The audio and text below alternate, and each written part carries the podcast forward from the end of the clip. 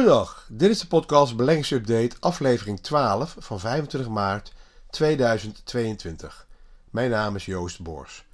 Na elke week in het kort al het relevante beursnieuws, alles over beleggen en vermogensopbouw. Ook elke week een praktijkcasus, eh, deze week iets meer over bewegelijkheid van aandelen meten via de beta van een aandeel of de beta van een portefeuille. Nou ja, de beurs heeft de afgelopen dagen en de week daarvoor een snel herstel laten zien tot ver boven de 710. We zitten zelfs vandaag rond de 724 in de AEX.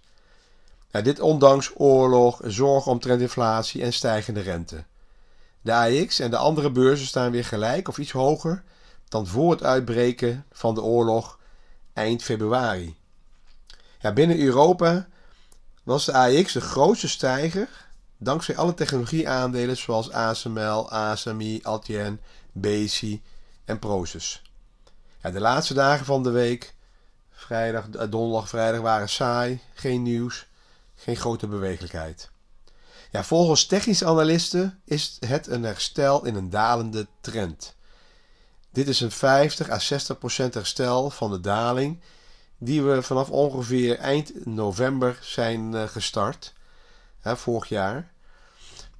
En uh, de obligaties, dus, uh, dus, dus, dus ja, dit is dan een, een herstel in zo'n dalende trend. We moeten gaan kijken of dit uh, herstel zich verder voorzet. Of dat er weer een nieuwe fase van dalingen in gaat luiden. En dan ga je nog dieper dan de 640 die we half maart stonden. Oké, ook de obligaties staan onder druk. De Amerikaanse 10-jaars staatslening staat nu rond de 2,3%. Je weet, als de rente stijgt, dalen obligatiekoersen. Dus als je een obligatieportefeuille hebt, dan moet je niet verbaasd zijn als daar nu zo'n dit jaar zo'n 3% af is. Nou, mocht, dit, mocht de rente dit jaar naar uh, zo'n 4% gaan, nou ja, ik denk dit jaar niet, maar de komende twee jaar, dan zal er toch minder geld naar aandelen gaan dan voorheen. Is dan namelijk wel een uh, alternatief.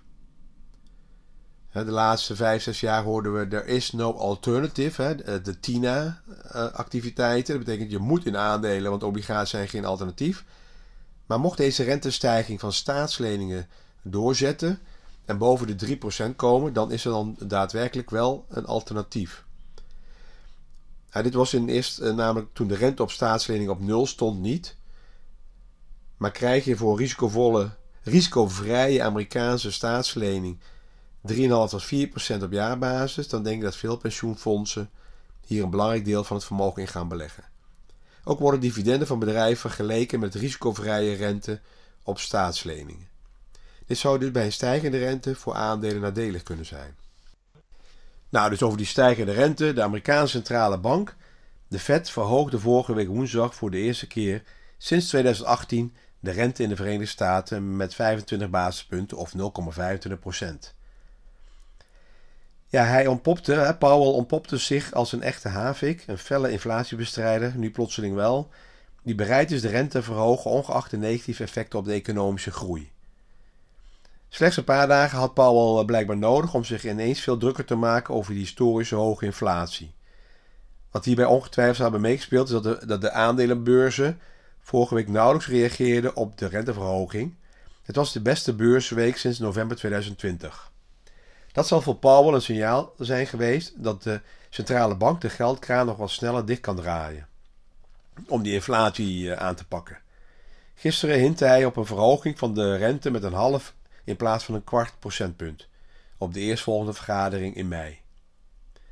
Ja, twee weken geleden had ik het in mijn podcast over margin calls het moeten bijstorten of liquideren indien je niet aan je verplichtingen kan voldoen, doordat het onderpand bijvoorbeeld in waarde daalt.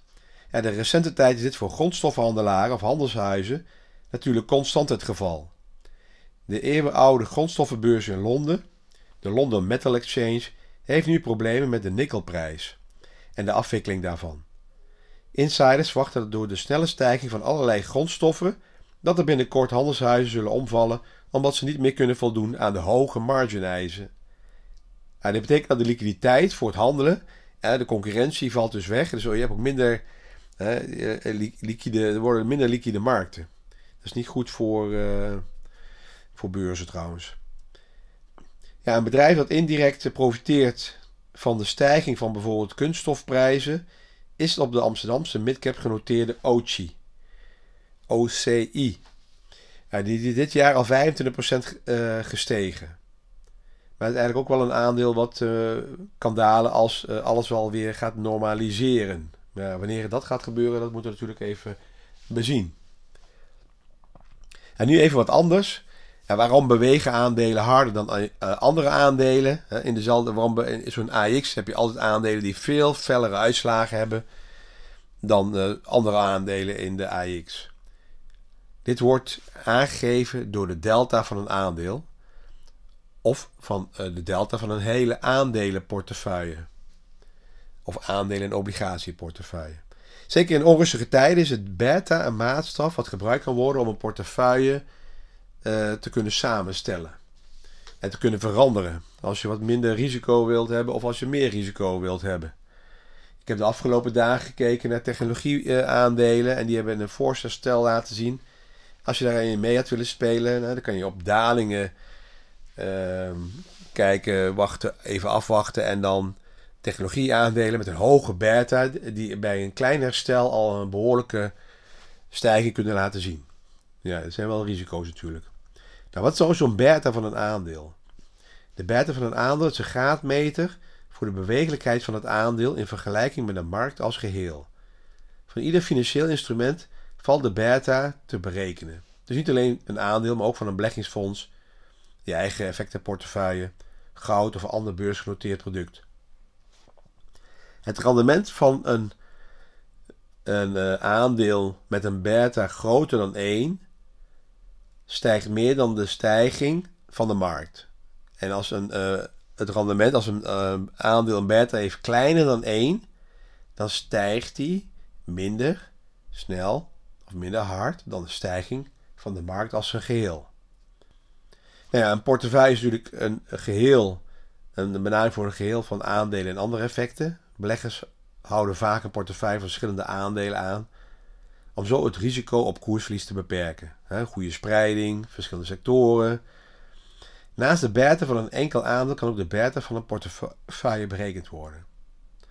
Voor de berekening van de beta voor een aandelenportefeuille wordt vaak een aandelenindex gebruikt, zoals de AX of de Standard Poor's 500. De beweging van het individuele aandeel wordt hiertegen afgezet voor de berekening van de beta. Bij beleggingsfondsen wordt voor de berekening van de beta de benchmark gebruikt. Dit is een aandelenindex die correspondeert met het beleggingsdoel of het beleggingsstatuut van het uh, beleggingsuniversum van het beleggingsfonds. Voor een obligatieportefeuille geldt in principe hetzelfde als voor aandelen. Ja, de beta is een maatstaf die op basis van het historisch koersverloop een voorspellende waarde heeft voor de te verwachten volatiliteit. Niet de richting, maar de bewegelijkheid. Daarmee kan je mede beoordelen of een aandeel past bij jouw risicobereidheid. Ook kan je de beta gebruiken om te beoordelen in welke mate je, de je gehele portefeuille reageert ten opzichte van een index. Gebruik de beta nooit als enige indicator. De maatstaf kijkt alleen naar het verleden en de prijsvolatiliteit uit het verleden is een matige voorspeller voor de koersrichting van de toekomst. Nou, wat kan je hiermee? Bijvoorbeeld, als je een stijging van de beurs, de AX bijvoorbeeld, verwacht, dan koop je aandelen waarvan de beta flink hoger is dan 1. Verwacht je een daling en wil je toch belegd blijven, of moet je beleggen, dan koop je in eerste instantie aandelen met een lage beta. Beta-berekeningen kan je op verschillende beleggingssites terugvinden als je googelt. Bijvoorbeeld de online versie van het Financiële Dagblad geeft ook al die uh, beta-cijfers. Stel je hebt een aandelenportefeuille samengesteld met een, hoge beta, met een, aantal, met een aantal hoge beta-aandelen. Gemiddeld kom je dan ongeveer uit op 1,2% je portefeuille. Als het rendement van de AX 10% op jaarbasis is, dan mag je op grond van een beta van 1,2 voor de portefeuille worden verwacht dat het rendement 12% is. Zit je lager, dan heb je te weinig rendement gemaakt voor het genomen risico. Ja, binnen de AX aandelen met een lage beta als voorbeeld heb je Unilever 0,45, Ahold 0,36, en Kluwer 0,46. Dat zijn het drietal. Eigenlijk eh, zijn het dus een beetje defensieve aandelen. Aandelen bedrijven met hoge beta's, die flinke eh, koerswegen kunnen veroorzaken, zijn Arcelor 1,8, Asmi 1,9, ING ook 1,7 en Egon 1,8. En de rest zit allemaal tussenin. Daarnaast de beta heb je ook nog de alfa. Het hele Griekse alfabet. Dat gaat, niet, nee, dat gaat natuurlijk niet helemaal doen. Maar de alfa van een aandeel. Ik zal er iets kort over zeggen. Alfa laat zien hoe goed of slecht een aandeel heeft gepresteerd in vergelijking met een referentieindex. De beta geeft dus aan hoe volatiel de prijs van een aandeel is geweest, hoe bewegelijk het is geweest in vergelijking met de index als geheel. Een hoge alfa is altijd goed. Een hoge beta heeft misschien de voorkeur van een belegger in groeiaandelen, maar wordt gemeden door beleggers die op zoek zijn naar een stabiel rendement en een lager risico, bijvoorbeeld dividendaandelen. Een alfa van 1 betekent dat de belegging 1% beter presteerde dan een index. Een alfa van min 1 betekent dat de belegging 1% slechter presteerde dan de index. Als de alfa 0 is, komt het rendement overeen met de benchmark. Nou, over deze alfa zal ik uh, de komende maand nog een paar keer terugkomen. Je kan bijvoorbeeld gaan kijken, kijk, uh, eh, ING en Egon hadden een hoge beta, maar afgelopen jaar, afgelopen 12 maanden, een lage, een negatieve alfa.